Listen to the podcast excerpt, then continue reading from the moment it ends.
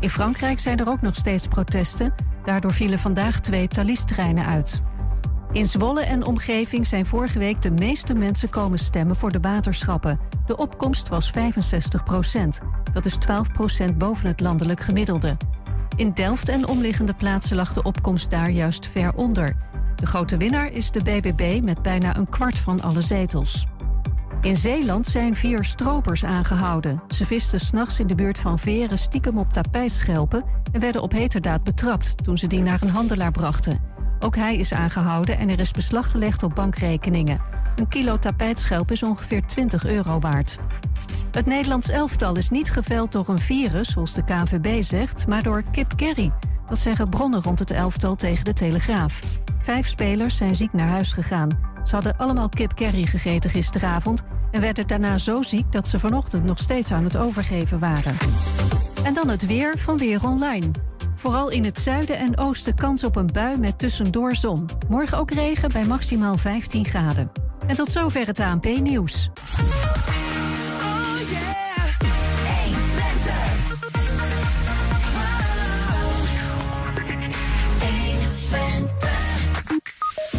Cybercrime is een van de grootste maatschappelijke problemen van deze tijd. Hoe zit dat eigenlijk hier in Twente? Saxion onderzoekt dat. Wat is het beste kinderlied van het jaar? De genomineerden voor de Willem Wilmingprijs 2023 zijn bekend. Je hoort ze en we praten erover met juryvoorzitter Mark Haajema. Vanwege de Interlandweek liggen de voetbalcompetities stil. Zoals wel vaker grijpt FC Twente die gelegenheid aan om een oefenwedstrijd te spelen. Zo ook gistermiddag en je ziet de samenvatting. En een nieuwe editie van In, uh, van, van, in van Twents Kwartierke. Met vandaag aandacht voor de podcast De Neder-Saxe die het theater induikt. Het is donderdag 23 maart en dit is 120 vandaag. 120. 120 Cybercriminaliteit. Dat klinkt misschien ver weg, maar dat is het niet. Sterker nog, het is een van de grootste maatschappelijke problemen van deze tijd. Alleen in Nederland al werden er in 2021 zo'n 2,5 miljoen mensen slachtoffer van, zo zegt het CBS. Wereldwijd wordt de omvang en schade vergeleken met die van de georganiseerde handel in drugs. En hoe zit dat nou specifiek in onze regio? Hè? Inse van Houten onderzoekt cybercrime in onder meer verschillende Twentse gemeenten. En bekijkt ook hoe uh, mensen weerbaarder gemaakt kunnen worden tegen digitale misdaad. En Inse is bij ons. Welkom. Dankjewel. Goed om te, uh, te noemen in het kader. Je bent betrokken uh, bij dit onderzoek vanuit het lectoraat maatschappelijke veiligheid van Hogeschool Saxion. Hè? Ja, dat klopt helemaal. En het lectoraat maatschappelijke veiligheid richt zich vooral op het ja, weerbaarder maken van inwoners van Nederland tegen cybercriminaliteit. 2,5 miljoen mensen in Nederland. Dat is 1 op 6 ongeveer. Dat is echt 17 procent, begreep ik, in 2021. Ja. Het is een groeiend probleem, dus misschien nu al wel meer. Het is nu waarschijnlijk meer dan inderdaad de, de, de klassieke criminaliteit. Uh. Dat is duizelingwekkend. Ja. Dat is echt heel veel. dat is zeker heel veel. Is dat voor jou, een, ja, jij zit er natuurlijk goed in, maar was dat ook voor jou een soort van, het is heel veel? Of? Um, nou, het, je kunt op meerdere manieren slachtoffer worden. Hè. Dus soms zijn het hele kleine dingetjes. Uh, de, de, dat je misschien per ongeluk op een verkeerde link hebt gedrukt. Of uh, naar een verkeerde website bent gegaan en denkt van... oh, ik heb nu een virus of wat dan ook. Mm -hmm. uh, maar het kan heel ernstige vormen aannemen. En ja, we zien dat die range natuurlijk heel groot is. Van, van, dat het niet zo erg is. Daarom zien we bijvoorbeeld ook dat mensen niet altijd aangifte doen. Denk van, nou, dit viel wel mee. Ik verander mijn wachtwoord en nou, nou kan ik weer verder. Uh, maar soms kan het uh, enorme gevolgen hebben, echt persoonlijke gevolgen hebben. Ja. Nou, ik ken een verhaal van, van een man een op leeftijd die aan de telefoon zat. En, en voordat hij het wist, was hij na een uur tienduizenden euro's kwijt. Ja, nee, Omdat hij dus een bank, min of meer bankgegevens had afgestaan. Ja, nee, dat, dat, zo werkt het vaak. Hè. Er zit vaak zitten er criminele organisaties achter. En die zijn juist uit op dat soort gegevens. En die gebruiken daar ook, uh, ja, laat zeggen, hele geniepige trucjes voor. Om ervoor te zorgen dat mensen die gegevens uh, afgeven. Ja. Hè, terwijl ze het idee hebben van, ja, ik geef die gegevens aan de bank. Of ik, geef, ik maak geld over naar mijn kind. Mm -hmm. en maar in werkelijkheid zit daar een criminele organisatie achter. En ja, uh, ja dat gebeurt nu. Um, ik ben ontzettend benieuwd naar die geniepige trucjes. Die zul je vast, vast kennen. maar, maar om die even vast te houden, daar komen we dan zo nog op terug. jullie doen dat onderzoek in verschillende Twentse gemeenten, ook in de rest van Nederland wel, vanuit Saxion. Ja, absoluut. Uh, Wij richten ons echt op heel Nederland. Ja. En, en, en nou, ook door onze contacten, door ons netwerk. Uh, ja, soms zijn Twentse gemeenten wat eerder bij ons dan, uh, dan andere. Hè, maar wij, wij, wij, wij doen diverse ook landelijke projecten. Ja. We hebben net een heel groot raakproject rondom cyberweerbaarheid afgesloten. waarbij twaalf gemeentes in Nederland betrokken waren. En ook vier regionale veiligheidsnetwerken. En hebben we samen met de Haagse Hogeschool hebben we onderzoek gedaan naar verschillende doelgroepen, naar ouderen, naar jongeren, MKB'ers. Uh, en gekeken ja, welke delicten uh, zijn zij nou juist gevoelig voor en hoe kunnen we voorkomen dat ze slachtoffer gaan worden. Dus het gaat om omvang en om uh, voorkomen, zeg maar. Ja, dat, dat, ja voorkomen, dat, daar richten wij ja. ons op. Wij willen dus dat de hele Nederlandse bevolking eigenlijk cyberweerbaar, noemen wij dat, worden. Dus dat ze zich kunnen beschermen tegen de gevaren eh, van cybercriminaliteit. Is dat, want wat ik wel interessant vind, is dat jullie de, op gemeentelijk niveau dat onderzoek bijna doen. Hè? We hebben gezien uh, bijvoorbeeld een onderzoek ook in, in Almelo, zelf ook wat over gepubliceerd, of wat jullie daar hebben uitgevonden. Um, waarin we zagen uh, bijvoorbeeld 7% van de onderzoeksgroep die had, was slachtoffer geweest van cybercrime. Dat is iets anders, minder dan die 17% die het CBS landelijk ziet, bijvoorbeeld in 2021. Um, ja, wat is eigenlijk de reden om op een lokaal niveau te gaan onderzoeken? Want ieder mens lijkt me toch hetzelfde. Of verschilt dat ook? Nou, je ziet wel lokale verschillen. Dat heeft ook vaak met de gemeente te, te maken. En we kijken in eerste instantie ook van, nou ja, hoe, hoe staan mensen überhaupt erin? Dus hoe, hoe kijken ze naar de risico's? Wat doen ze eraan om zichzelf te beschermen nu al? En dat soort zaken. Dus dat, dat soort algemene zaken kijken we naar. Maar we, we vragen bijvoorbeeld ook van, ja, wat verwacht je nou eigenlijk van jouw gemeente op dit gebied? Uh, en, en dat, dat kan lokaal heel erg verschillen. Ja. dan zie je bijvoorbeeld, uh, nou, wat, we gezien hebben, uh, we hebben bijvoorbeeld ook onderzoek gedaan bij Rijssen Holten. En daar verwacht men meer van de gemeente dan in bijvoorbeeld de grote gemeentes die we hebben onderzocht. Uh, dus dat soort uh, lokale verschillen kun je vinden. Is het een gemeentelijke zaak eigenlijk? Vraag ik me af. Ja, het is toch gewoon uh, ook het is een wereldwijd probleem. Ik zou ja. verwachten gewoon de Rijksoverheid hier een campagnes in moet voeren of wat dan ook. Absoluut, die doet dat natuurlijk ook al. Hè. Alleen die, die is wat minder goed misschien in staat om echt maatwerk in een gemeente te leveren. Hè. Dus de gemeente weet ook van oké, okay, we moeten bij die wijken op de, en daar weten we dat veel mensen uit deze doelgroep zitten. Dus dan kunnen we daar specifiek rondom fysieke locaties dingen doen. Uh, er kunnen gewoon ook kleine verschillen zijn. Uh, je, je, kunt urgente verschillen hebben in een gemeente waarvan ze zeggen van oké, okay, dat willen we nu zo snel mogelijk aanpakken. Ja. Hè, maar uh, ja, gemiddeld genomen zijn de verschillen niet super groot tussen gemeenten. Nee, nee, dat, is wel waar. Ik hoor je ook zeggen, hè, verschillende, daar zitten bepaalde doelgroepen bijvoorbeeld. Hè. De gemeente ja. weet, nou ja, daar zit een voetbalclub met die doelgroep of dat weet ik. wat is er eigenlijk, want wat is eigenlijk een risicogroep? Of is iedereen risicogroep in deze? Uh, helaas is, uh, iedereen, uh, loopt iedereen risico als het gaat om cybercriminaliteit. Alleen zien we wel dat per doelgroep het vaak weer andere risico's zijn. Hè, dus je, nou, bijvoorbeeld bij ouderen is heel herkenbaar hè, die WhatsApp-fraude. Dat berichtje van, van je zogenaamde dochter of zoon ja. die ineens een nieuw nummer heeft. Ik ben mijn telefoon kwijt, Precies. kun je mij even helpen? En, en by the way, ik, ik heb even een probleem met overmaak van geld. Kun je me even helpen? Ja. Hè, dus dat, is, dat zie je natuurlijk bij ouderen, maar dat zie je bijvoorbeeld uh, bij jongeren zie je dat. Uh, Daar trappen mensen trouwens nog steeds in, in dat soort WhatsApp-fraude. Ja, ik denk dan altijd van ja, op een gegeven moment weet je toch wel een keer dat het. Uh... Ja, als het heel herkenbaar is. Hè, maar het, het probleem is wel dat criminelen die verzinnen altijd weer nieuwe manieren om het te doen. En niet iedereen is altijd goed op de hoogte. En, en ja, het, het, hangt er ook een beetje van je eigen toestand af. En soms komt, komt zo'n berichtje precies op het goede moment. Ja. Dat je zelf even druk met andere dingen bezig bent. en dat het misschien ook past in het verhaal. Hè, want, want uh, je had al iets gehoord dat, dat, dat je zoon al problemen had met zijn telefoon. Oh, dan past het toevallig. Mm -hmm. En nou, dan zijn mensen wat minder alert en dan kunnen ze per ongeluk toch in, intrappen. Terwijl ze wel degelijk wisten dat het, dat het, dat het een probleem zou kunnen zijn. Of ja, in ieder geval ja. dat ze dat risico lopen. Ja. Dus dat, de, ja, dat, dat kan blijven. Maar het is wel zo dat het natuurlijk helpt dat dit soort informatie ook via media veel verspreid wordt. Van let op, dit soort dingen gebeuren. Ja. En de jongeren, die, die, daar begon je aan net, die, die zijn ook op een zekere manier kwetsbaar? Absoluut. Uh, die, zijn, uh, nou, die hebben, hebben vaak problemen probleem met online geweld. Dat ze gepest worden, dat soort zaken. Maar denk ook aan sextingmisbruik. Hè, dus misbruik van sextingberichten. Die bijvoorbeeld zonder toestemming worden doorgestuurd. dat zie je weer specifiek bij de jongere groep ja. veel meer.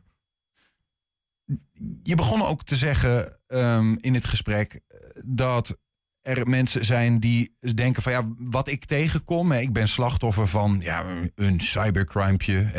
Ik heb misschien op een verkeerde link geklikt. En daar kwam ik achter en toen kon, ik mijn computer niet meer gebruiken. Ik zeg maar eens wat. Maar het is te klein om aangifte te doen. Is dat ook echt dat kleine misdaad? Zeg maar, is het ook echt klein? Of hebben mensen soms niet door hoe erg ze eigenlijk het haasje zijn? Um, Ja, de, vaak stelt het, stelt het niet per se iets voor. Hè, maar soms kan het ook dat je, dat je allemaal malware op je computer hebt uh, geïnstalleerd zonder dat je erdoor hebt en daar misschien jarenlang mee, mee rondloopt. Mm wat betekent dat? Malware op je computer? Ja, malware, nou, bijvoorbeeld dat iemand mee kan kijken wat, wat je allemaal intoetst. Of, uh, of, of, of, of, dat er een virus geïnstalleerd is op, op je laptop en dat soort zaken.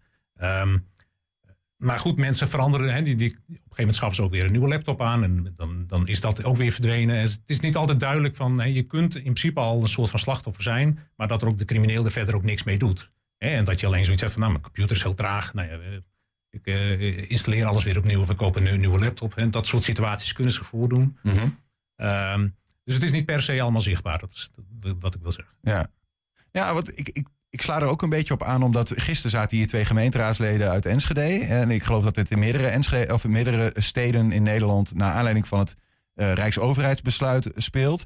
Dat de Rijksoverheid heeft gezegd: ambtenaren uh, moeten eigenlijk geen TikTok of andere spionagegevoelige apps meer op hun werktelefoons hebben. Omdat die, zij zeggen die apps, dat zijn een soort van deuren tot informatie in hun telefoons. En ze hebben dat zelf eigenlijk niet goed door. Die contactenlijsten kunnen worden uitgelezen, dat soort dingen. Um, en, en, toen, en toen zat hier een gemeenteraadslid aan tafel, zelf ook onderlegd in de cyberveiligheid. En die zei: Ja, het is wel degelijk een, soms een groter probleem dan je denkt dat mensen bij die informatie in je telefoon kunnen. Ze maken hele profielen van je. Dat klopt, ja. En die profielen kunnen ze dan gebruiken om een heel gerichte phishing mail bijvoorbeeld naar jou te sturen. En, en daarmee aan uh, inloggegevens uh, te komen van, van de organisatie waar je werkt. Wat is een phishing mail? Ja, dat is een, een phishing mail is een mail waarin een uh, link staat hè, uh, die ergens naar verwijst. En je denkt dan dat dat, uh, nou, die verwijst bijvoorbeeld naar jouw eigen organisatie en dan moet je daarop inloggen. Maar in werkelijkheid heeft de criminele organisatie daar eigenlijk een nep website achter zitten. Ja. En dan vul je dus je gegevens in. En dan denk je van, oh, ik, ik ben nu ingelogd bij mijn organisatie of ik ben nu ingelogd bij mijn bank. Mm -hmm. Maar in werkelijkheid is het gewoon een nep web website en de crimineel die heeft op dat moment jouw gegevens afgevangen. En kan die dus vervolgens gebruiken om zelf ja. uh, in te loggen. Uh, bij je bank of bij je organisatie. Jullie hebben ook in, in Almelo, begreep ik, gezien dat inwoners uh, um, behoefte hebben om ook dit soort, dit soort mails, hè, die eigenlijk gewoon criminele activiteiten zijn, om die te herkennen. wat blijkbaar is dat dus lastig. Dat, ja, dat, dat, is best lastig. Hè. Mensen weten het wel. Hè. Mensen zijn over het algemeen ook wel op de hoogte dat phishing mails bestaan. En ze, ze letten inmiddels uh, door alle uh, campagnes ook van overheid, uh, politie, et cetera. die ook aangeven van let op, het, op de afzender. En, nou ja, slecht taalgebruik was vroeger nog zoiets. Maar mm -hmm. dat doen criminelen, die, die zijn die fase ook voorbij. Die kunnen nu ook keurige mails maken over het algemeen. Dus over het algemeen zijn mensen er wel, wel alert ja. op geworden. Um, ben ik je vraag even vergeten? Nou ja, eh, de vraag is, eh, die mensen vragen om leer mij dat te herkennen. Ja. En dat is natuurlijk de eerste stap in de weerbaarheid, neem ik zo even. Absoluut, ja. Als dus je, ziet ook dat mensen over het algemeen zeggen van ja, maar dat kan ik wel. Ja. Uh, over het algemeen zijn mensen behoorlijk optimistisch. Van nou, weet je wel, dat, uh, om niet slachtoffer te worden, moet je gewoon, uh, ja, je moet gewoon een beetje alert zijn.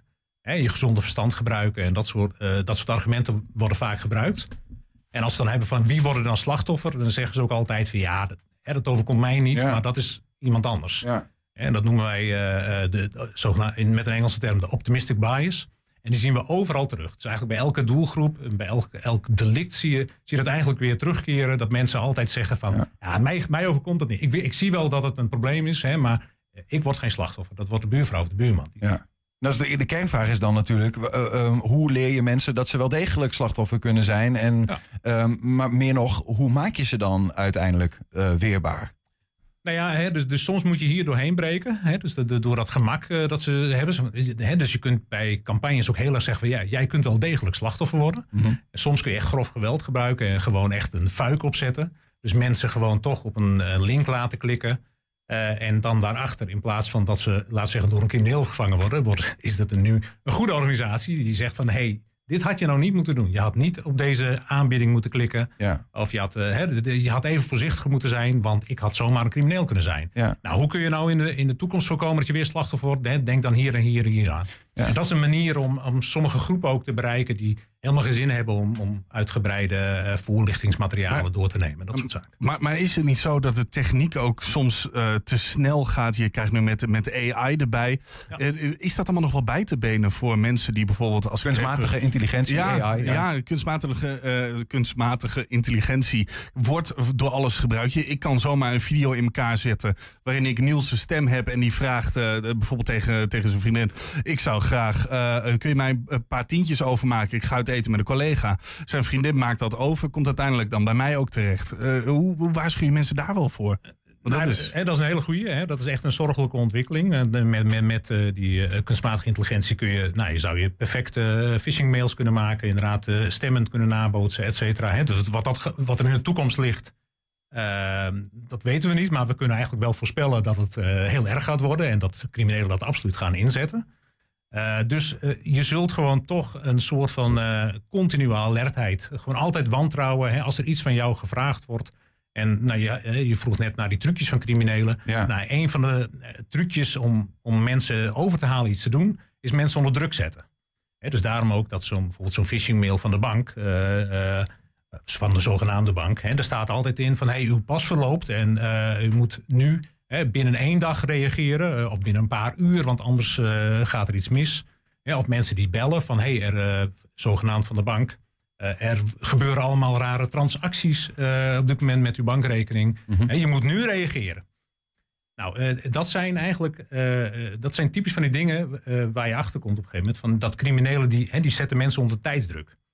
Dus je zou mensen eventueel kunnen aanleren van let op, als jij onder tijdsdruk wordt gezet, hè, en iemand verlangt van jou een bepaalde actie, dan moet je eigenlijk alert worden. De rode vlaggetjes moeten dan. Uh... dan, hè, dan want want uh, kan dat ook echt de bank zijn, uh, of dat kan echt de politie zijn, et cetera. Ja. Hè, maar het zou ook kunnen zijn dat het een crimineel is die jou, hè, voordat je erover na kunt denken, eigenlijk al iets verkeerds hebt laten doen. Nou ja, ze, ze gaan er ver in. Wat ik, ik sloeg even aan wat je net vertelde met dat organisaties eigenlijk zelf hè, de goede mensen zeg maar doen alsof ze phishing mails sturen om mensen alert te maken. Uh, gisteren zat hier een uh, hengeloos beveiliger en rechercheursbedrijf aan tafel en die vertelde buiten de uitzending dat zij als beveiligingsmiddelen, dat het ook vaak in de digitale wereld al is, zeggen, het gaat vaak om de mensen die een systeem kwetsbaar maken. Niet eens zozeer het, het, het, systeem zelf. En hij vertelde dat zij dan bijvoorbeeld op LinkedIn een nieuwe medewerker van een bepaald bedrijf gaan volgen. Op aanspraak van het bedrijf.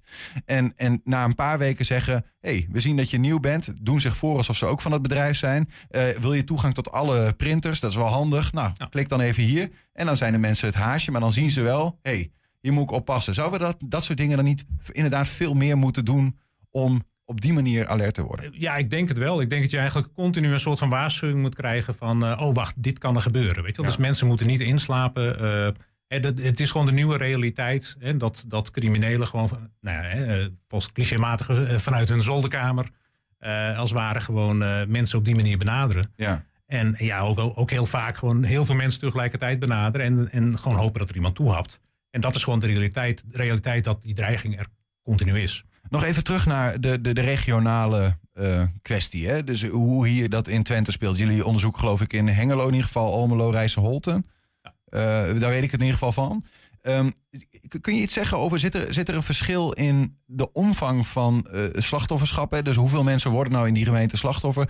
Uh, als je kijkt er gewoon landelijk gezien. Waar zitten de risicogroepen? Zitten die in Twente meer dan elders of wat dan ook? Is daar iets over te zeggen? Nou ja, ons onderzoek heeft een beetje verschilde een beetje per gemeente. In Almelo hebben we vooral gekeken naar 60-plussers.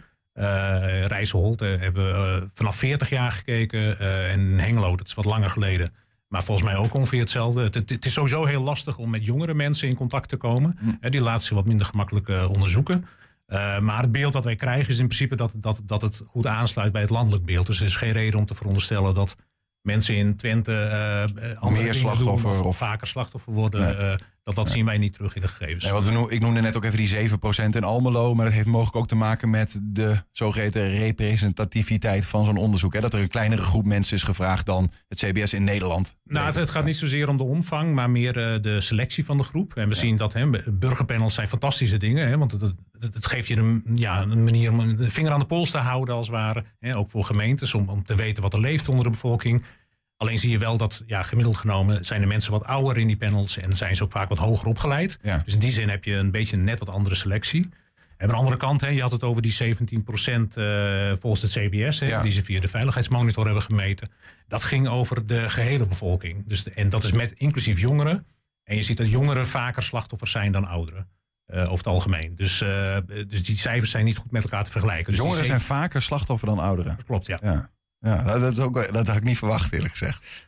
Ja, Ja, dat heeft vooral te maken met het gedrag van jongeren. hè. Dat Ja. zie je bijvoorbeeld ook. eh, eh, eh, je zou zeggen, nou, ouderen zullen bijvoorbeeld wel vaker op straat overvallen worden. Maar hè, zij zorgen gewoon voor dat ze niet meer buiten komen als het donker is, bijvoorbeeld. Hè, dus het heeft ook met het eigen gedrag te maken van, van die groep.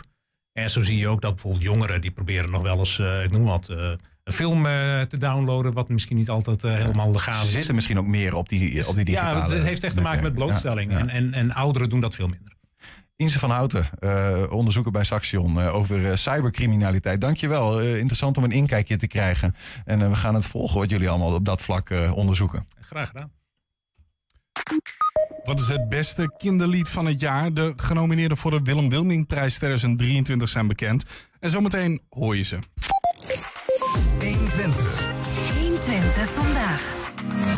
Ja, vanwege de Interlandweek liggen de voetbalcompetities stil. Zoals wel vaker grijpt FC Twente die gelegenheid aan om een oefenwedstrijd te spelen. Zo ook gistermiddag. Door de Interlandweek is er geen Eredivisie voetbal. Daarom speelt FC Twente een oefenwedstrijd tegen Bochum. De ploeg uit de Bundesliga. Bij FC Twente Smal de aanvoerder. Ook Flap in de basis. Smal met wat ruimte. Het één speler is goed. Meteen de vrije trap voor FC Twente. Futkooi wordt eh, naar de grond getrokken. Een ploegspeler speelt in de Oberliga in Duitsland. De mogelijkheid voor Flap zo is de eerste mogelijkheid in de wedstrijd voor FC Twente. Dan Bochum op de helft van Twente. Balverlies. Meteen de diepgang. Goed afgelegd. En daar heeft FC Twente geluk dat daar de derde man niet is. Kans nog niet verkeken. Goed schot. Voorbij de goal van Titon eh, geschoten. Bochum getraind door Letch. Gert-Jan van Beek, de oud-FC Twente-trainer, was daar in zijn periode succesvol. Dit is handig weggedraaid door die proefspeler, Futkooi. Maakte veel doelpunten in de Oberliga. 28 in 27 wedstrijden. Dan de tweede helft. Ruststand dus 0-0. En dit is de kans voor FC Twente in de 1 tegen 1 situatie. Schot geblokt. Bosdorp was dat. Een van de nieuwelingen aan de zijde van FC Twente. Holtman. Goede speler. Holtman, buitenspeler. Met links geschoten. En zo staat het nog steeds 0-0.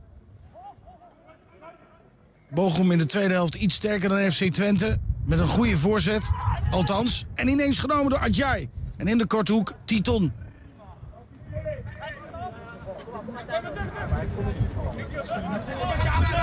Dan zitten we in de slotfase.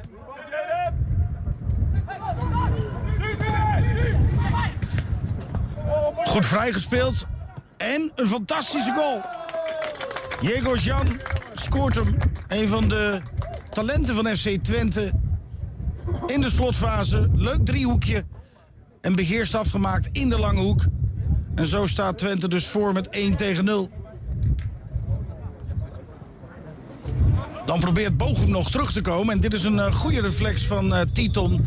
Maar de einduitslag is 1-0. En zo wint Ron Jans van deze Thomas Letch met 1-0 in een oefenduel. Kun je iets vertellen over de samenstelling van je selectie vanmiddag? Ja, we hadden best ehm, eh, wat probleempjes. Omdat deze wedstrijden zijn heel belangrijk gewoon voor de speelminuten van de jongens die eh, wat minder spelen. Alleen er eh, bleef bijna niemand over. En dat is lastig. Door blessures, door jongens die internationale verplichtingen hebben. Uh, vielen Mees Hilgers en uh, Manfred Ugaldo ook nog weg. Uh, dus ja, ik was wel heel benieuwd. Want je speelt wel tegen een Bundesliga-club. Maar ja, achteraf, ja, ik heb genoten vandaag. geweldige instelling, de jongens. de jongens die zeg maar basis speelden bij ons. Die hebben vaak een half wedstrijd gespeeld. Hun instelling vond ik voorbeeldig. namen de jonge jongens mee. Ja, en de jonge jongens die winnen gewoon in de tweede helft met 1-0 van Bochum. Ja, stop. Ja, ik wou zeggen, tweede helft wel een heel jeugdig uh, FC Twente. Nou, het was eigenlijk, uh, als je kijkt naar de leeftijden, onder, onder 22 met Titon in de goal. Ja. Jonge jongens, ja, er speelden uh, drie spelers met Titon erbij, speelden de hele wedstrijd. tweede helft, heel, een heel jeugdig team, ik zei het al, maar eigenlijk eerste helft ook. waren dat allemaal jongens van onder 21? Uh, ja, bijna uitsluitend wel. Hoewel Sander die ook nog in de onder 18 uh, mag. En volgens mij is verder allemaal onder 21, ja. ja. Um, eerste helft in de spits. Ja, er zaten wel meer namen bij die niet bij iedereen een, belletje doet rinkelen, denk ik. Uh, maar uh, dat komt bij de spits ook niet. Uh, dat was een gastspeler. Kun je daar wat over kwijt? ja, dat is Noël Fulkoy. Ehm, die is 20 jaar en speelde op het vijfde niveau. dat is Oberliga in Duitsland bij Schwarz-Weiß Essen. Die heeft uh, een halve wedstrijd meegedaan. Want hij moest vanavond uh, moet hij nog spelen met zijn eigen club. Uh, maar die had 27 wedstrijden, 28 goals. Dus dat is opgevallen. En eh, ik moet zeggen, hij heeft ehm, een frisse indruk achtergelaten in, in de eerste helft. En met, met welk idee is hij dan zoals vandaag hier? Welk idee zit daarachter? Ja, dat komt uit, uit de scouting. En ze vroeg of hij een halve wedstrijd mee mocht spelen. En normaal hou ik het niet zo van. Maar we kunnen spelers heel goed gebruiken. Manfred Ugalde als spits is geblesseerd. Ricky van Wolsink was ideaal voor hem om eventjes... Uh, die heeft gewoon individueel getraind om wat rust te pakken. Uh, ja, en dan was de ruimte voor hem. Uh, dus het kwam van beide kanten hartstikke goed uit. Is het dan ook echt nu alleen deze oefenwedstrijd... of zit er een wat uitgebreide traject omheen? Ja, dat, dat is dan denk ik meer... ze zullen mij waarschijnlijk ook wel vragen wat ik ervan vind... maar dat is meer voor ja, Arnold Brugging en Jan Strooijer. Ja. Um, jij gaf al aan, uh, positief verrast, zeker vooral over de instelling. Zijn er andere punten uh, nou ja, waar jij denkt van... Uh, daar kunnen wij wat uithalen vandaag? Nou, uh, er zijn een heel aantal jongens die hebben nou weer uh, echt goede minuten gemaakt. Maar met name voor al die jonge jongens uh, was dit gewoon denk ik een, een, een, een topwedstrijd eigenlijk. En uh, ze hebben zich van de goede kant uh, laten zien, moet ik zeggen. Dus dat met name voor de, voor de jeugdigen. En ja, Max Bruns 90 minuten, Sam Stein 90 minuten, Titon 90 minuten vanuit zeg maar de eerste selectie. En die andere jonge jongens, ja, heel tevreden. Ja. Uh, tot slot dan, denk ik. Um, ja, je noemde al even Hilgers en Ugalde. Iedereen zag ze uitvallen natuurlijk afgelopen weekend. Van Ugalde hebben we gehoord, de scan heeft uitgewezen. Het gaat een aantal weken duren. Is er al meer bekend over Mees Hilgers en zijn blessure? Ja, die heeft uh, schade in de lies en dat zal ook een aantal weken duren. Helaas. Ja, ja je had al een uh, behoorlijke lijst. Ja, maar ja, het, voordeel is dat maandag uh, sluiten weer een aantal jongens aan. Die zullen wel weer conditioneel uh, weer aan moeten sterken. maar Daan Rots, de nieuwe Cleonice, die sluiten in ieder geval weer aan. Wout Brama sluit dan weer een, een stuk verder aan. Dus er zit ook weer wat aan te komen. Dus dat is het positieve.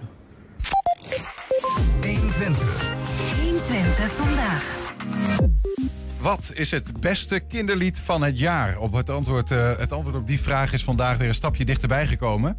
De genomineerden voor de Willem Wilmingprijs voor het beste kinderlied 2023 zijn namelijk bekend. De landelijke prijs komt van Wilming Theater en Muziekcentrum Enschede. Op laatstgenoemde plek wordt op 3 eh, april ook de winnaar bekendgemaakt. En we gaan de kansmakers even langs met eh, de juryvoorzitter. En dat is schrijver en theatermaker Mark Haajema. Mark, goedemiddag. Goedemiddag. Hey. Ha, en was het bij, eh, zoals bij elke jurywedstrijd zou ik bijna zeggen, uh, ontzettend spannend tot aan het eind en een hele bevalling om de genomineerden uiteindelijk te kiezen? Ja, nee, we hebben ongeveer meer dan 90 liedjes binnengekregen. En daar zit natuurlijk, ja, zoals met, met elke wedstrijd heb je de top en je hebt daaronder een best groot gedeelte wat, ja, wat minder geschikt was. Um, dus we hadden denk ik een soort ja, 10, 10 12 liedjes waar we echt over moesten uh, overleggen met de jury. Uh, het nadeel voor mij was dat ik bijna alle makers kende, gewoon als collega. Dus uh, ik heb me soms een beetje afstijdig gehouden en ook de nieuwe juryleden laten praten. En uiteindelijk tot een hele mooie top 4 zijn we gekomen. Vier genomineerden uit uh, 90 uh, inzendingen. Uh, 3 ja. april, dan wordt het echt uh, bekend. Zometeen gaan we er naar luisteren, gaan we eens even langs. Maar vertel even, die Willem Wilming-prijs, hè? Die, wat, wat is dat voor, voor, voor prijs? Het is een prijs voor het beste kinderlied. Het, het, is nu, volgens mij bestaat de prijs uit mijn hoofd tien jaar ongeveer. Ik ben er nu een paar jaar aan verbonden als, als presentator, of in dit geval dus nu als jurylid. En ja, het is een prijs waar het beste kinderlied, en dan voornamelijk gericht op de tekst, maar ook de muziek, is eigenlijk gewoon die twee, die worden beoordeeld op kwaliteit. En ja, de beste wordt gevierd. Ja. Met de Willem Wilmingprijs. Dan heb je ook nog de juryprijs. Dus je hebt de, de ja, juryprijs en de publieksprijs heb je ook. Ja, dus we mogen zelf ook nog een, een, een duit in het zakje doen uiteindelijk als we ja, de publieksprijs naar een zekere... Maar het is altijd een beetje ongemakkelijk toch ook uh, muziek als uh, wedstrijd? Hoe bedoel je? Nou ja, ik, ik, herinner me van tv-programma's waarin dan de mensen een liedje moeten zingen. En dan moeten ze uiteindelijk van elkaar zeggen wie was nou de beste uh, vervanger voor mij of wat dan ook. Hè? Dus uh, dan, dan is het altijd een beetje van ja, we willen eigenlijk van muziek geen wedstrijd maken. En nu weet je het beste kinderlied. Ik, ik dacht jou ook een beetje te horen stamelen van ja, wat is het beste, beste. Wat maakt nou een kinderlied de beste? Kun je dat ook objectiveren, zeg maar? Uh, ja, nou voor mij het is vaak een persoonlijke kwestie natuurlijk, wat je, wat je zelf aanspreekt. Hoewel, met alle juryleden waren we toch wel die top 12 kwam behoorlijk overeen. En uiteindelijk de winnaar zeker ook. Ja, ja. Die hadden we allemaal als winnaar. Uh, en wat dat is, ik denk dat een goed lied, uh, een goed kinderlied, uh, het, het, het verhaal of het thema of het onderwerp uh, dusdanig weten te beschrijven zonder dat het, dat je te veel door, door de knieën gaat. Ik bedoel, je, het moet niet te kinderachtig zijn. Kinderen moeten het begrijpen, maar je moet kinderen wel serieus nemen. Daarbij de muziek. Vaak denken mensen bij een kinderliedje aan de plingel, plangel, flopsy. Maar daar zit ook zeker vakmanschap achter. En als dat mooi in elkaar samenvalt, dan heb je toch wel een heel goed lied. En Volgens mij hebben wij vier hele goede liedjes nu. Uh, kinderliederen, maar wel op een volwassen manier, soort of. Uh, ja. Nou, we gaan, we gaan gewoon eens luisteren. Wat jullie dan als, als vier nou ja, genomineerden hebben gekozen uit die 90 inzendingen. Te beginnen bij het lied Pakken wat je pakken kan. De tekst en muziek zijn van Jan Groenteman. Het is gezongen door de cast van Super Juffie. En dus ook uit de gelijknamige jeugdmusical Super Juffie. Dit is Pakken wat je pakken kan. Toen ik nog een meisje was, leerde ik al snel. Als jij niet pakt wat voor je ligt, doet een ander dat wel. Mijn moeder was een harde vrouw, mijn vader was een sul. Ik wist al snel met zulligheid, eindig je op nul. Moet je niet willen. Liefde, trouw en eerlijkheid, daarvan krijg ik dus jeuk. Oh, oh. Uitgekookte slimmigheid vind ik ontzettend leuk. En zeg nou zelf, wie wil je zijn? De arme, saaie held. Of de gehaaide, lieve slimmerik die schil ziet van het geld. Pakken, pakken, pakken wat je pakken kan. Grijpen wat er maar te grijpen valt. Alles wat je hartje maar begeert kan in een tip van jou zijn. Pakken, pakken, pakken wat je pakken kan. Graaien is geen misstapbare sport. Eerlijk duurt te lang en daarvoor is dit gekke leven veel te kort. Ja, dus, dit is een mooi lied om kinderen aan te leren. Pakken wat je pakken kan. Daar krijgen we een goede maatschappij van. Het is wel een leuk lied. Ja, het is, is ja als je het zou moeten duiden, wat, wat maakt dit lied nou uh, een, een van de genomineerden? Nou, ik, ik heb even het juryrapport erbij gepakt. Vind je dat, dan, dan, dan zeg ik het helemaal goed. Een lekker pittig lied geschreven voor de jeugdmusical Superjuffie. Op een uitgekookte manier zet Groenteman mevrouw Edna neer... als een hebberige filijne dame met een gezonde dosis zelfkennis... waardoor ze zelfs op sympathie van de luisteraar kan rekenen. Want zeg nou zelf, iedereen is soms een vals secreet. Daar waar andere ingestudeerde, uh, ingestuurde musicalnummers nogal eens muzikaal uit de bocht vlogen... kent dit lied een subtiel balans tussen tekst en muziek precies goed. Kijk aan. Weten we dat ook. Het juryrapport van eh, Pakken wat je pakken kan. We gaan naar nummer twee. Eh, de tekst van Jurian van Dongen. Muziek is van Peter van de Witte. Gezongen door eh, Maria Mee van Zuilen. Geschreven voor het jeugdprogramma Klokhuis. En Jurian van Dongen won vorig jaar. Is goed om te weten. En dit lied heet Een soort van. Oh, we hebben geen audio meer, hoor ik nu. Dus, Oké. Nou ja, dan moeten we e- even. Nou ja, daar gaan we op wachten. Misschien, eh, dat is wel, Mark, misschien wel goed om even. Jurian van Dongen, die won vorig jaar ook. Is dit, dit jaar twee keer genomineerd. Eh, is, de, is de pool Ja. eh, met, met echt, echt goede kinderliedjesmakers dan zo klein of zijn dan zo goed? Eh, Zeker het laatste. Eh, en misschien ook wel het eerste. maar ja, het, ik, ik, eh, ik zag de lijst en ik dacht, nee. Het, gewoon de lijst van, van die we allemaal hoge punten hadden gegeven. En ik dacht, nee, niet weer Julian. Want we, we jureren in eerste instantie blind. Maar Oh ja, ik- oké. Ik kan niet om hem heen. Het is gewoon... Zijn, zijn manier van schrijven is zo... Heeft ook wel iets Wilmingsachtig, vind ik. Mhm. Het heeft iets directs, iets poëtisch. En het gaat gewoon rechtstreeks rechts in je hart. En in dit geval een soort van een heel ingewikkeld onderwerp. eh, misbruik onder kinderen. Ehm, wat heel gevoelig ligt. Wat heel precair beschreven moet worden zonder dat je daar... ehm, nou, eh, het is een zwaar onderwerp, dus je moet er niet te zwaar aan, eh, eh, een te zwaar lied van maken. Want het is ook voor kinderen. Ja. Ehm, en dat heeft hij zo goed gedaan.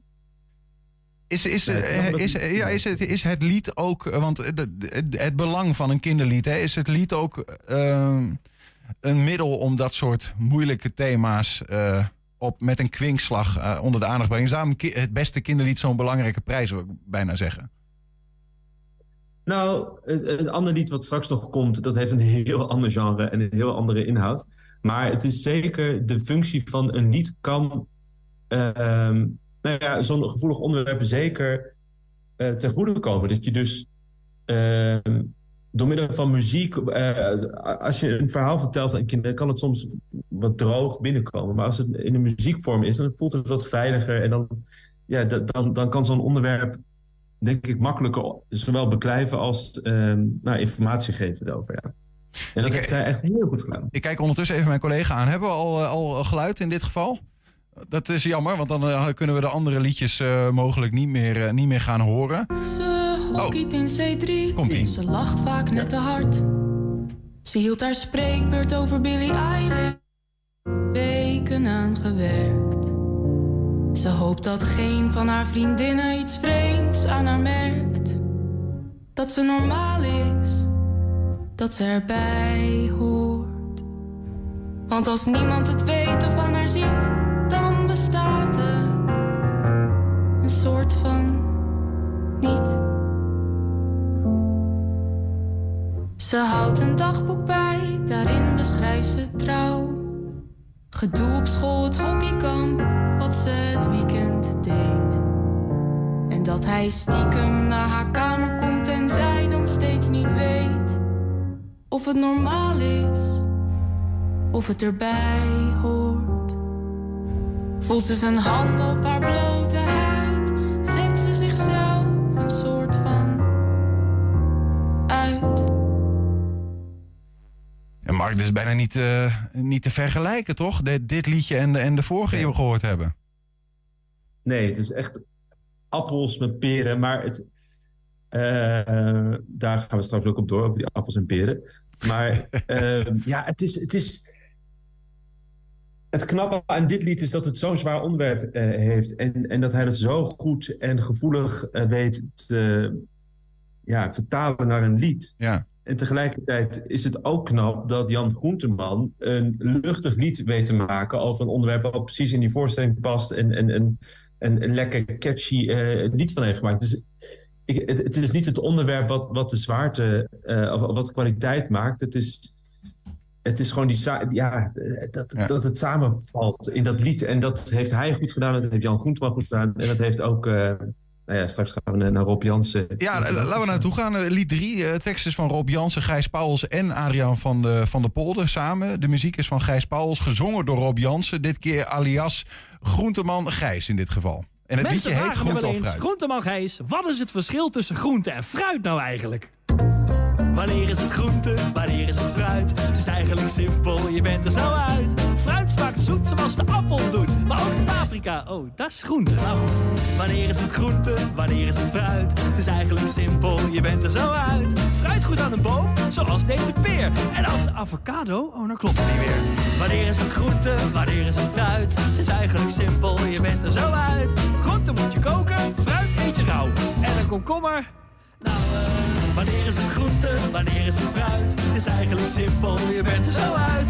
Fruit is de eetbare vrucht van een plant, maar dat kan soms toch nog steeds groente zijn. Want de tomaat en courgette horen daar ook bij. Terwijl de aardbei officieel weg in vrucht blijkt te zijn. Wanneer is het groente, wanneer is het fruit? Allebei lekker, maar ik kom er niet uit.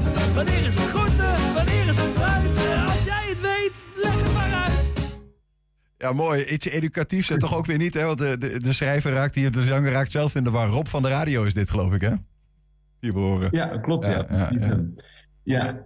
ja. vind ik heel grappig dat je dus iets uit wil leggen in een lied en er zelf niet uitkomt. En dan uiteindelijk denkt, joh, zoek het zelf maar uit. Eh, eet het op, het is lekker. En, Ja, precies. Wat maakt het ook eigenlijk uit? Groente of fruit? Hè? Het schijnt allebei gezond te zijn, dus wat dat betreft. ja, exact. Hebben we nog eentje te gaan? dus- Eh, dus- Ja, zeg maar. Nee, ik wil zeggen, dit is dus wat ik net vertelde qua onderwerp. Compleet iets anders. En, eh, maar ook gewoon heel krachtig, vind ik, in zijn eenvoud, in melodie en in, eh, in tekst. Heel eh, vindingrijk, heel leuk. We hebben nog één te gaan, eh Mark. Dat is opnieuw van Jurian van Dongen, zoals we net al zeiden. Twee keer genomineerd. De muziek is van Bart Reining. Het lied wordt gezongen door Meral Polat. Ook geschreven voor het Klokhuis, deze. En de titel is Niet voor jezelf. Opa, je hoorde bij die eerste groep die voor werk naar Holland kwam, sparen voor een beter leven. Eerst twee jaar, toen nog twee jaar. Betonfabriek Zaandam en ongepland voorgoed gebleven. Je zei pluk vader fruithand en werk hard voor je dromen. Niet voor jezelf, maar voor wie na jou komen. Was zwaar, maar jij dacht steeds. Waar ik werk noem ik mijn thuis. Je vond ze aardig Nederlanders. Bij heimwee las je stil de krant. In het koffiehuis en droomde s'nachts van ergens anders. Van een tuin in het dorp waarvan je afscheid had genomen. Niet voor jezelf, maar voor wie na jou komen. Ja, ik herken eh, de Turkse taal daarin. Het gaat over gastarbeiden, dit, denk ik, hè? Ja, klopt. Het gaat ook over haar opa. Want eh Julian had de opdracht gekregen van het Klokhuis om te schrijven over gastarbeiders. Ja. En eh, toen is hij in gesprek gegaan met haar. En dit is eigenlijk het verhaal wat zij met haar opa heeft. Het, het, dus ja, het, het, het, het, het lied druipt ook van melancholie. Van, je, je hoort Ja. in de muziek echt de, de heimwee. Dat je dus soms heimwee kan hebben naar een land waar je eigenlijk zelf niet vandaan komt. Maar omdat je voorouders daar vandaan komen, Ja. eh, voel je die heimwee naar het land. En ja, heel goed gedaan. Ja, zeker. Het, is, muziek. het is prachtig. En wat me opvalt eigenlijk in, meerdere nummers die er voorbij horen komen... is dat het lijkt wel alsof kinderliederen... ehm, misschien vanwege soms ook hun eenvoud... omdat, het, omdat kinderen het ook eh, moeten begrijpen... ehm, dat, dat het eh, raakt of zo. Ook, ook mij tenminste, ik zie mezelf niet meer per se als kind. Maar is, is dat een kracht van kinderliederen? Ja, absoluut. Het is ook volgens mij een, een, een misvatting van ons volwassenen dat wij denken dat kinderliedjes, kindertheater, kinder, dat het enkel voor kinderen is. Het is eigenlijk een, een versimpeling, of versimpel, het is gewoon een soort heldere taal die gesproken wordt, die juist het beestje bij zijn naam noemt en gewoon gelijk rats eigenlijk je, je hart binnenkomt. En ehm, wij volwassenen denken daar heel veel moeilijke woorden voor nodig te hebben. En ehm, eh, eh, dat is eigenlijk allemaal, het is allemaal zo simpel, het leven. Nee, dat is niet waar. Maar ik bedoel, eh, in, in de kindertaal is gewoon helder en begrijpelijk eh, voor jong en voor oud. En dat maakt denk ik een goed kinderlied universeel. Dat kan net zo goed op de radio gedraaid worden, denk ik. Ja. Vier totaal verschillende genomineerden hebben we langs horen komen voor de Willem Wilming-prijs 2023 voor eh, beste kinderlied. Op 3 april wordt de winnaar bekendgemaakt. Dat is aan het eind van de Kindermuziekweek die eh, morgen begint. Eh, er is dus ook nog, zoals Mark al zei, een publieksprijs. Je kunt vanaf eigenlijk nu stiekem al stemmen via willemwilmingprijs.nl. wat jou, nou ja, volgens jou de winnaar zou moeten zijn. Mark Heijma, jury- juryvoorzitter van die Willem Wilmingprijs. Dankjewel dat je even bij ons wilde zijn via Zoom en wilde uitleggen over jullie oordeel. En veel plezier tot aan eh, 3 april. Dank. Het is mijn verjaardag op 3 april, dus het wordt sowieso één groot feest. Alvast gefeliciteerd al. We zijn ook als podcast te luisteren via alle bekende platforms. Je vindt daar hele uitzendingen op 120 Vandaag. En ook nog één item uitgelicht op 120 Vandaag uitgelicht. 120. Een mooie streektaal vind ik mooi. Twents kwartierken. Ja, ik sta er verkeerd in. Ja, sorry. Ja, vloeiende overgang. Ja, nee, ik sta er verkeerd in. Dus je moet wel de goede doen. Want... Ehm, we, we gaan van kinderliederen naar eh, de Twentse taal. En eh, dat gaan we doen met eh, juf Adrie Hemming... die ons weer eh, nieuwe Twentse woorden gaat leren. Die hangen we altijd op aan een thema. Daarvoor een gast. Hij is al aangeschoven, maar dat houden we nog even ehm, boven de markt. Ehm, Adrie, welkom terug. Ja, goedemiddag jongens. Ehm, voordat we naar onze gast gaan, ehm, niet de minste, gaan wij eerst even naar de vorige week in het Twents. Vertel. Ja, toen ging het over eh, beken en bleken. Hè? En dat eh, was het thema ook een Ah, beetje aan ja, dat. Aske. Mhm. Dat was dus waspoeder. Zeker. Omdat het proces van bleken ook met, met as eh, gaat vooraf. Eh Piermotterig, dat is een beetje bleekjes zien. Maar dan qua gezondheid. Dan hadden we teug. Dat was wasgoed. Ja, daar moet je geen teug van nemen. Nee. Nee, ook dat niet. En het woord van de week, dat was eh, letterfretter. En dat was prachtig. boekenliefhebber. Had gewoon eigenlijk eh, eh, die andere moeten zijn, hè? Versnipperaar. Ja. Prachtige geweest. De echte letterfretter. Eh, dat is vorige week. Uh, Hupsakee, opgefrist eh, dat geheugen. We gaan eh, vier nieuwe woorden leren. We gaan nog de straat op. Maar we gaan eerst praten eh, met onze gast die het eh, thema van deze week inluidt. En eh, dat heeft alles te maken met de podcast eh, De Neder-Saxen. Eh, steeds populairder aan het worden. Eh, gepresenteerd door eh, Hendrik-Jan Bukkers en door Albert Bartelt. Ze gaan de theaters in en dat heet dan eh, De Neder-Saxen Live. En Albert is bij ons. Albert, welkom. Dankjewel.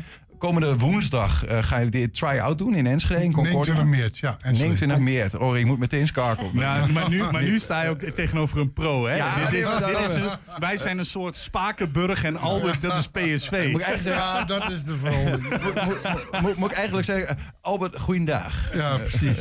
Goeiedag, even. Maar een 29 maart, Concordia, Enschede. Nou, de- dan weet je dat alvast. Dat je de try-out wil zien en eh, wil zien hoe de heren dan misschien ook soms wel op hun bek gaan of niet. Want dat Nou, geeft ook bij een try-out, of niet? niet. Ja, precies. Ja, precies. Maar het is wel een gedurfde stap hè, van een podcast naar een theater. Maar je weet nooit eh, waar je krijgt. Ja, wij dachten van, daar hebben we nog nooit gedaan, dus we kunnen het vast wel.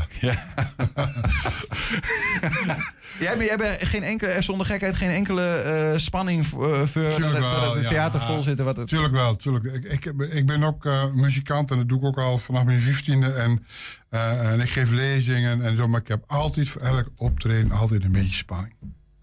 Al, al vanaf mijn 15. Ja, maar dan zeg ik maar, kiek met wordt. Kiek gaan we, Eh, eh, voordat we naar, naar een kleine impressie gaan om te, te, te Mhm. horen wat jullie podcast dan ongeveer behelst. Als je het zou moeten beschrijven, de Neder-Saxen. Oh, de- podcast? Ja. dat is een informatieve serie gesprekken met cultuurdragers uit de hele Neder-Saxische regio. Klinkt, klink- eh, informatieve serie gesprekken met cultuurdragers. We, we gaan, we gaan even luisteren hoe dat klinkt.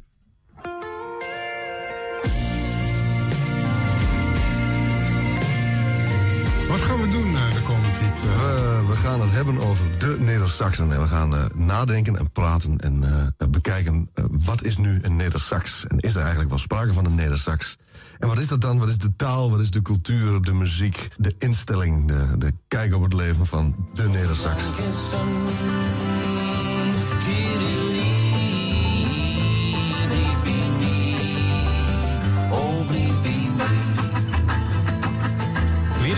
Werkt, eh, ja, we sleuren een boom in de boerderij en dan mijn vader moe een paar slaapkamers verderop. En mijn vader toen soms kwam een keer op de radio en mijn moeder heette Ali. Dus mijn vader die de radio aan, mooi lied. Wie du kent, zijn geest wijd op de wind. Niks hem we verloren. Wij Maar eh, in de middeleeuwen was het juist andersom. Hè? Dan was het in, in, eh, kampen en nog op de brandaris in de Schelling staat een bord. Dat inwoners van Kampen hoeven hier geen belasting te betalen. Dat staat er net.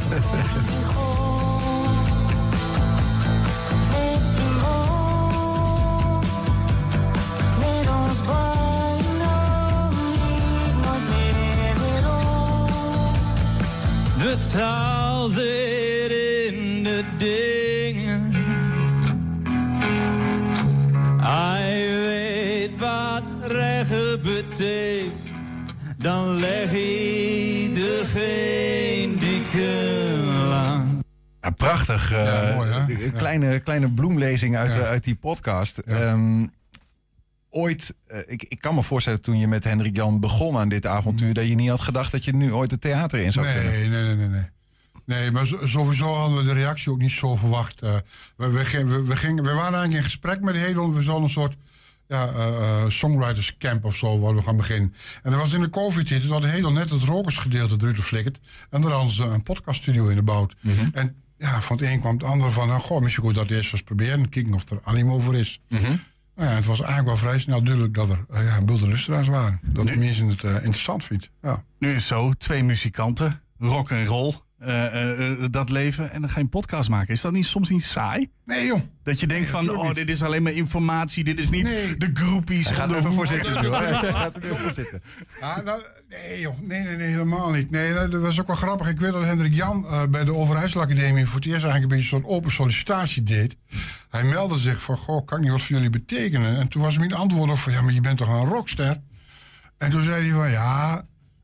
Hij is eigenlijk een soort jambersfiguur. Hè? Dat shit. van, Ochtends is en hij. Zei, ja, zegt hij, in mijn normale leven ben ik een rockstar. Maar in mijn vrije tiet ben ik gewoon een, eh, een, een, geschiedenisliefhebber. En dat is echt een beetje nerd. Ja. Geschiedenis en taal. Dat is echt zo. Dat Ja, wat is dat, zo. want ik, je, je kondigt eigenlijk eh, die korte impressie even aan, of de, de podcast, als van ja, het is een informatieve serie met cultuurdragers. Eh, in, in, in het fragment hoor ik ook zeggen, we gaan op zoek naar wat is nou wat is de, nou de nedersax? de. Wat, wat, wat, wat is het eigenlijk echt wat jullie doen? Of, of is, Nou ja, dat is een beetje een soort gimmick natuurlijk. Ja, we zijn wel een beetje op zoek naar de... Ja, wat is dan de ziel van deze regio, van het oosten van het land? Ja. Is er überhaupt keus spreken van een identiteit? En ik denk dat Maxima, eh, die zei nou, de Nederlander bestaat niet. Ik denk dat de Neder-Sax ook niet bestaat. Maar er is wel een soort gemeenschappelijke deler, zeg maar. De, de taal verbindt wel. Eh, eh, maar even voor alle duidelijkheid, die begint al ergens in Gelderland en loopt helemaal tot aan ja, als je- Groningen. ja, als je van Groningen naar Gelderland. Ja. Dus kijkt zijn Groningen, eh, Drenthe, Overijssel, Gelderland. en een stukje Friesland, hè? Weststellingwerven. Ook nog, laten we ze niet vergeten. Daar wordt geen Fries gesproken, maar eh Neder-Saxisch. Ja, Een ja. variant van het Neder-Saxisch. Ja, dus de taal is in ieder geval iets dat, eh, dat Zeker. verbindt. Ja, de, de, de- zeker. ja, de er nuchterheid. meer eh, eh, het polsvuur is natuurlijk wel iets van ons. Eh, het noberschap, eh, die ongeschreven regels, zeg maar, die is wel iets van ons. Mhm. Ja, eh, misschien ook wel een beetje... Verbondenheid met de grond misschien? Ja, misschien. Ja, misschien. Maar dat is meer platteland dan stad misschien. Ja, er ja. zit natuurlijk altijd verschil tussen platteland en stad. Maar goed, ja, er bent altijd meerdere identiteit. Kijk, ik voel me, ik, ik ben geboren eh, en opgegroeid in Staphorst, Roveen. Mhm. Ja, ja, maar ik woon ook in Zwolle al eh 40 jaar. Dus ik voel me ook wel verbonden met het stadsleven. Eh, eh, eh, ik heb pas toevallig van de week een interview gedaan. en dat gaat dan over ik ben een Zwollenaar. En daar heb ik wel een nuance gemaakt. Ja, ik ben een Roveense Zwollenaar. Ja, ja, ja, ja, ja, en dat is ja. wel serieus. Zo voel ik me ook wel. Snap je? Zeker, ik snap het. Da- Dan heb je op een gegeven moment ga je die, die podcast lanceren. Ehm, dan, ik neem aan dat je dat ook gewoon een beetje, of beetje z'n tweeën eerst doet van nou, eens Ja. even kijken wat, wat, wat wordt ja, zeg maar. wat wordt. Ja, dat was het echt zo, ja. Hoe, hoeveel, heb je een idee van hoe groot dat nu dan, eh, hoe groot dat is? Hoeveel fans, hoeveel Nou, we luisteraars? hebben Of- volgens mij, dat is lessentelling, maar dat is van een half jaar geleden. Want ik, ik ben niet zo heel erg met cijfers bezig. Ja, nou met de, met de, met de theatertour wel. Denk ik, maar donder. Kijk wat we er rond Zwolle is uitverkocht. Oh, mooi. Zwolle is uitverkocht. Dus dat is wel mooi. Ehm, de lessentelling die ik heb, hebben 20.000 unieke luisteraars. In een eh, maand of zo? Of in een, Ja, dat is wat ik hoorde. Ja, Ik ja, weet niet hoe dat zit. Oké, 20.000 oké. Boeit je ook niet zoveel, dus gewoon, gewoon een mooie inhoud, podcast maar- maken. Tuurlijk vind ik dat interessant. Ja. Maar, maar, maar 20.000 unieke luisteraars. En daar ben ze bij Hedon eh, ja. best opgewonden over. Ook in de top 100 van alle podcasts. Dat was echt Ja, top hè? 200 staat hij op. 200 of zo, dat is ja, echt hè? ja. 150 of zo. Ja, ja, dat is echt niet... eh, je weet hoeveel podcasts er zijn, dus dat echt wel groot. Maar wat ga je in theater dan doen? Want wat, ja, een podcast, eh, dat vraag. kennen we. Maar. Ja, goede vraag. Eh, nou, wat we in het theater gaan doen, eh, eh, eh, we neemt de gebroeders Roo met. Dat zijn twee jongens die eh, normaal in het Engels En die hebben voor een aflevering bij ons met Roy de Witte was dat, goh, eh kom eens bij ons langs zo een liedje in de streektaal willen doen. Nou, dat won ze, dat was voor hun voor het eerst. En dan kregen ze zulke goede reacties op, dat ze dan met de deur gewoon bent. Dus er zijn twee broers die machtig mooi zingen. En die nemen we met, met eingemaakte liedjes. Dus die doet drie of vier liedjes. Hendrik Jan doet een paar liedjes. Eh, we gaan het verhaal vertellen van de taal. Dus de geschiedenis van het Neder-Saxisch gewoon iets over vertellen. Dat is hartstikke interessant, heel inhoudelijk dus. We gaan iets over de Hanze vertellen. Eh, want het is het Hanzejaar, dus in het kader van het Hanzejaar doen we... Jullie gaan ook alleen in Hanse steden Ja, spelen, behalve Enschede al. Ja, precies. En in Steenwijk ook. Oké. Goed, dat- dat Hanze-verhaal is hartstikke interessant. Ook, eh, eh, wat er ook wel interessant aan is, dat het Neder-Saxisch de voertaal van de Hanze was. Dus dat weten veel mensen niet. Maar wat ook interessant is, dat de Hanze... Is het, eh, ja, die werken samen op, eh, aan de hand van de, eigenlijk het Rijnmond-model. En je kunt eigenlijk uit heel grof zeggen: het Rijnmond-model hij- en je hebt de VOC-mentaliteit uit het Westen. Maar ik heel kort door de bocht ben, is VOC-mentaliteit is gewoon roven. En, eh, en Rijnmond is samenwerking. Rijnmond is ook het Westen, toch? In dat nou. Rijnmond-model heet dat geloof ik. Ja, ja, oké. ja, ja, ja, Maar samenwerken, daar, daar- Ja, dat gaat over daar zijn we samenwerken. meer van hier bij de hand. Nou ja, daar gaan we het over hebben. Ja. Eh, we hebben Harry Scholtmeijer bij ons, onze dialectoloog. Dus als we in Kampen zijn, dan hij- gaan we met hem in gesprek over die specifieks van de taal van Kampen. Mhm. En Zwolle ook, en Enschede. Nou, je snapt, het Ja. zo verder. Ja. En we hebben in elke plek een lokale gast. Dus eh, in Enschede gaan we in gesprek met Ellen Peters. Dat is de programmeur van eh, Concordia. eh, die ook echt iets met de Twents heeft. En daar gaan we met in gesprek. Mhm. Wees tot op 11 april hier in Twente in Oldenzaal. En daar hebben we burgemeester Patrick Welman te gast. Met wie we ook eens zo'n 20 minuten in gesprek gehad. Ja. Over zijn verhouding met de Twents. En nou allerlei andere bestuurlijke dingen waar we het over gaan hebben. We doen een quiz, eh, een soort kennisquiz. En dan, dan laat ik gewoon fragmenten zeg maar. Dan kun je ook gelijk horen hoeveel variatie er eigenlijk in zo'n klein gebied eh, nou ja, in Nederland is. Toch nog in die Neder-Saxische taal Ja. zit nog heel veel verschil. Misschien maak ik ook wel een uitstapje naar Limburg. Eh, want daar heb je natuurlijk ook dialect. De Frankische dialect bent er ook. Het Brabants, Limburgs. eh, Klinkt als een drukke avond. Hoe, lang ben je bezig? Nee, nee, nee, nee, nee. We kunnen er heel, snappen, heel snel en rap, Hendrik Jan en ik, heel helder allemaal uitleggen. Je gaat, maar je gaat er niet vervelen, denk ik. Nee. Ik Ja, denk dat heel even- interessant Even voor, voor mensen die denken, want ik kan me dat toch goed voorstellen. De mensen denken, ja, oké, eh, eh, ga- gaan we het over die geschiedenis hebben bijvoorbeeld. Hè? Eh, de, wat, wat moeten we daar eigenlijk, nu mee, zeg maar? Dus mensen ook. Ik, ik voel in mezelf soms, eh, ik ben echt een Enschede, wel een stadse jongen. Van ja, die, dat Twents, en dan hebben we het weer over hoe is dat ontstaan. Maar het is toch ook iets wat nu nog steeds een ding is. Zeker. En dan, maar dat trekken we het ook naar nu toe. Hè. Maar Ja. wat ik merk, wat het gewoon, ik geef heel veel gastlessen op mbo's over Neder-Saxische taal en cultuur. En eh dat zijn allemaal multiculturele klassen natuurlijk. Dus het, eh, veel culturen. Maar ik merk, eh, als ik daar dat verhaal vertel ook, dat geschiedenisverhaal, dat heel veel mensen het gewoon niet weten. Dat het Neder-Saxisch veel ouder is dan het Nederlands. Dat het Nederlands een relatief jonge taal is. Ook een bedachte, een geconstrueerde taal eigenlijk, zeg maar. En als, als je dat weet, dat ze erachter komen, dat je eigenlijk tweetalig bent. Nou, dan kun je dan ook naast andere cultuur zetten. Want alle, eh, de meeste Turkse kinderen zijn ook tweetalig. De meeste Marokkaanse kinderen ook, ook tweetalig. Allemaal meertaligheid. Meer, meerdere identiteiten hebben ze dus ook vaker. Nou, dan heb je gewoon een ontzettend interessant gesprek met elkaar. En dan kun je ook naar elkaar kijken van op gelijkwaardigheid. Ja, ja, ja. Wij zijn eigenlijk ook een soort, eh, nou niet import, maar ook een soort. eh, Nou ja, goed, maar ja, ik denk dat het wel relevant is. Ja, hoe ja. beter weet waar je vandaan komt, hoe steviger hij in het heden staat. Jullie hebben een quiz op die avond, aankomende woensdag, dus de try-out eh, in Concordia. Er zijn nog kaarten. Eh, wij hebben ook een quiz in onze Twents kwartier. En doe je daarmee mee, Ik eh, doe Albert, met, nog ik even? doe met. Wat leuk. en Misschien ben je meer een hulplijn dan dat het echt een, een Nou, serieuze ik ik ben tegenstander is. geen- Zoals Mies wel hoort, ik ben geen Twent. Nee, dat is waar. Misschien zitten nog wel wat nuanceverschillen in. Ja, juf Adrie gaat ons eh, tracteren. We hebben telkens eh, een Twents woord met drie Nederlandse betekenissen. En er is er maar één van echt de goede betekenis. Nou ja, En dat heeft natuurlijk weer te maken met alles wat Albert hier heeft zeggen. Hè. Dus eh, nog niet alles, maar weer heel veel. Te hoop doen. Mhm. Is dat, ehm, A, is dat een wens uitspreken? Komt hij er, komt hij eraan? Ja, ik kom Ja, ga gerust door. Wens Dan volgt het scherm Is dat eh, B, mis laten lopen? Dus dat iets misgaat, hè? of dat loopt op een hoop. Mhm. Of is het C, is het samenwerken? Te hoop doen. Is dat Ja. wensen uitspreken, mis laten lopen of samenwerken? Oeh, er zit wel wat je hoop in, hè? Ja. Iets, iets wensen. Nou, ik zou dus misschien dan meer richting C trekken. Ja, omdat we het hebben gehad over dat die andere vorm van Hans, Hansensteden... die waren meer van een samenwerking dan van het VOC-model, zeg maar. Ja, ja, ja, om- met het onderwerp ook. Maar ik dacht ook direct dat het, dat het C was. Maar waarom dan? Ja, d- je gaat me nu allemaal vragen stellen waar ik het antwoord niet op weet. Ja, ik wil geen onderbuikgevoelens, Nee, hè. Ik wil nee, even nee, een goede argumentatie hier. Een, een hoop doen, dat doe je... t- Ja, nou ja, ik- dat te, ik kan niet, die te kan ik nergens kwijt. Maar het is samenwerken. Ja, oké, ik vind het is de ijzersterke argumentatie, Julian Vriend. Ik ga eigenlijk wel met een mit. Ja, ik weet het niet zeker, Ja, maar ik ja. vind het zo plausibel. Oh, Oké, nou heel goed. Hè, Daar zit team onderbuikgevoel. En team argumentatie gaat voor hoop, klinkt als wensen. Dus ik ga voor wensen uitspreken. Het zal wel weer niet goed zijn, maar kom maar op. Nee, wij vullen in. We vullen samenwerking vullen we in. Of wensen uitspreken, vul maar wat in. Maar Adrie, wat is het? Het is samenwerken. Nou. Nee, maar wie heb je ja, veel vaker gehad? Te hoop gewoon. Is ook samen op pad gaan. Ja, gewoon niet op let. Hey, heb je, Oh ja, maar het heeft dan te maken met op één hoop, eh, zeg Te maar. hoop gewoon eh, samen. samen. Ja. Op één hoop Ja. iets gaan doen. Zo, Ja. zo onthoud ik het dan. Ja. Nou, zei ik toch? Volgende. Ver- eh, Vergeten door. Nou, dan gaat het volgende woord zijn. Er komt daar. Eh langwielig. Hmm. Is dat eh, een A, een lange afstand? Is dat B, eh, langdurig? Of is dat C, een dubbelasser? Ik vind wel leuk bedacht, sowieso. Langwielig, lange Lang- afstand, langdurig ja. of dubbelassen. Ja. Ken, ken jij hem, Albert? Nee, ik ken hem niet, maar ik heb wel een vermoeden. Je hebt een vermoeden. Oké, Ja, La- Langwielig. Ik denk Wat, dubbelassen wat, is te denk, wat denk jij, eh, Niels?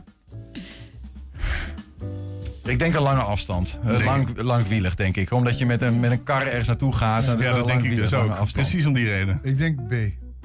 Jij denkt langdurig. Nee, ja, langwerig, ja. Langwillig, langdurig. Een kerkdienst.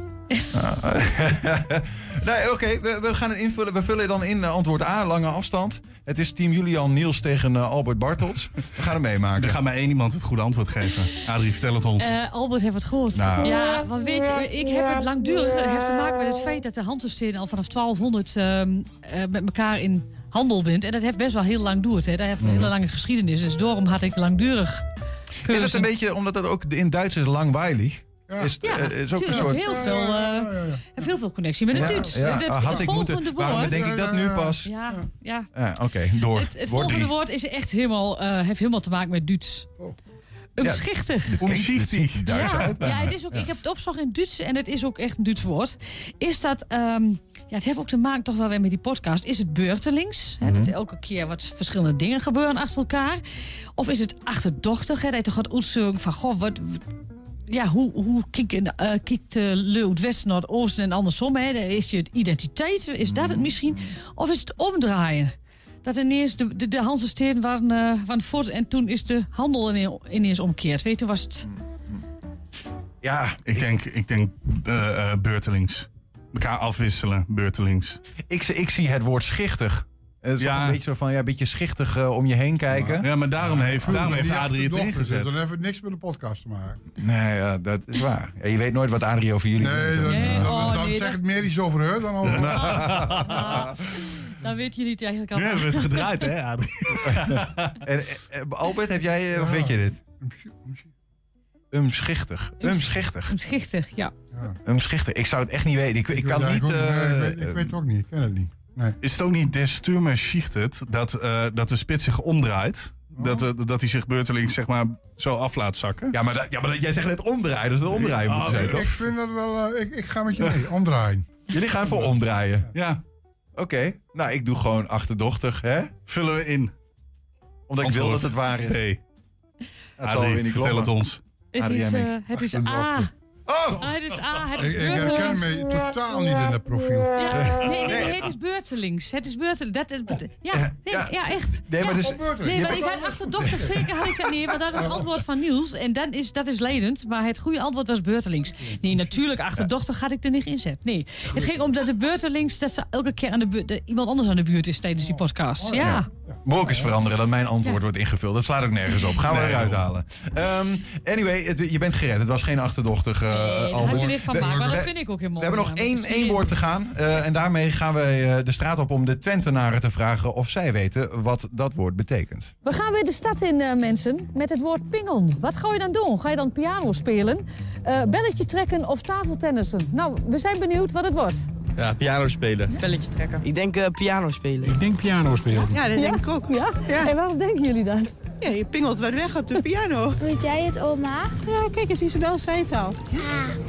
Een pingel. Eh, dan ben je eh, een beetje aan het piano spelen, zou ik denken. Ik zeg ook belletje, ik zeg ook belletje trekken. Ja, ik dacht in eerste instantie piano spelen, maar dat kun je ook pingelen natuurlijk. Hè. Volgens mij heeft mijn oma dat ooit een keer verteld. Ja. En waarom denk je dat? Omdat het een beetje lijkt op pingelen. Op, ja. Ja? Nee, je vindt het klanken ook een beetje pingelig klinken. Ik heb al vijf jaar een piano in mijn woonkamer staan, maar ik kan nog steeds eh, helemaal niks De ermee. erop. En, en ja, En wat, wat speel je dan? Ehm nou, niet zoveel, een beetje proberen. En oefen je het ook soms dan? Op de toetsen? Piano spelen? Nee, dat niet? Je bent gewoon slim. Je bent Ja. een klokjong. Ja. Ah, mooi. ik, ik ben meer van het belletje trekken. Ja, er was vroeger, vroeger deed ik heel veel belletjes. Ja, hè? Ontzettend veel. Doe je dat wel eens? Nee. Nee? Ja, dat zou ik dan vanmiddag maar gaan proberen, want het is hartstikke mooi weer. En dan moest de jeugd ook meer doen. Ja, daar heb je wel gelijk aan. Ja. Achter dat kastje vandaan en dan belletje. Ja, die op de stroot. Ja, als je geld eraf wil hebben. Ja, dat klopt. Dat klopt. pingel. Pingel, maar dat is, eh, dat klopt. Maar die had ik er niet tussen gezet.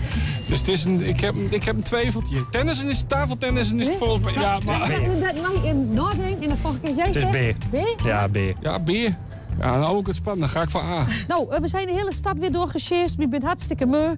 Eh, wat denken jullie in de studio? Is het pingel, is dat piano spelen? Hebben we gehoord, hè? Of is het belletje trekken? Ook vaak gehoord. Tafeltennissen iets minder. Wat zeggen jullie, heren? Me, me, me. Adrie is weer me. Ja, nou ja, die- b- belletje lellen zeiden wij vroeger voor belletje trekken. Maar ik heb nog nooit pingel gehoord Nee, voor maar dat, nee, dat is klingon in het Duits. Klingon?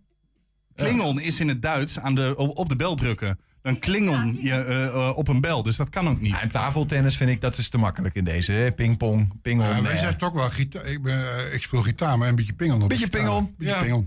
Ah, Dus- dat is zeggen we ook wel, ja. Dus gaan we met z'n allen voor A? Ja, laten we dit maar een keer gewoon gezamenlijk Adrie, vertel het ons. Oh. Nou, u bent hartstikke moe natuurlijk, want het hele stad weer doorsjouwt. Eh pingel, eh, we hebben het gehoord. Piano spelen heel vaak, ook belletje trekken. Tafeltennissen niet. Ehm, het goede antwoord is A, piano spelen. Fantastisch. Dan sluiten we toch met een goed gevoel af. Gewoon hier gezamenlijke winst. Eh, antwoord A was goed. Piano spelen, pingelen. Eh, daarmee zijn we traditioneel te laat aan het einde gekomen van, deze, van dit mooie rubriekje Twents kwartierken. Eh, dat hoort er misschien ook wel een beetje bij, juist bij Twents kwartierken. Ehm, Albert Bartels, dankjewel voor je komst. Aankomende woensdag dus de try-out van de Neder-Saxe Live hier in eh Nog dat. halen? Ja. Ja, en waar kun je ze vinden? Uh, Concordia.nl, denk ik. Precies. Dus eh, in eh, dat mooie theatertje Bonbonnière. Bonbon, Bonbonnière. En 11 Concordia. april in Oldenzaal. 11 april in Oldenzaal. Weet je dat ook alvast? Albert, Eh, hartstikke bedankt. Ja, Adrie, Adrie ook hartstikke bedankt. Jullie Wij bedankt. zeggen Jij bedankt voor het luisteren. Tot morgen. Zometeen Henk Ketting op de radio. Tot morgen, hè. 1 Twente. Weet wat er speelt in Twente. Met nu het nieuws van 5 uur. Ik ben Ingrid Anne Broers. Goedemiddag. De boeren van Agractie zijn uit het overleg met het kabinet gestapt over het landbouwakkoord. Ze willen pas weer meedoen als er een handreiking wordt gedaan. Het landbouwakkoord gaat over de toekomst van de boeren. Volgende week wordt er weer twee dagen over gepraat.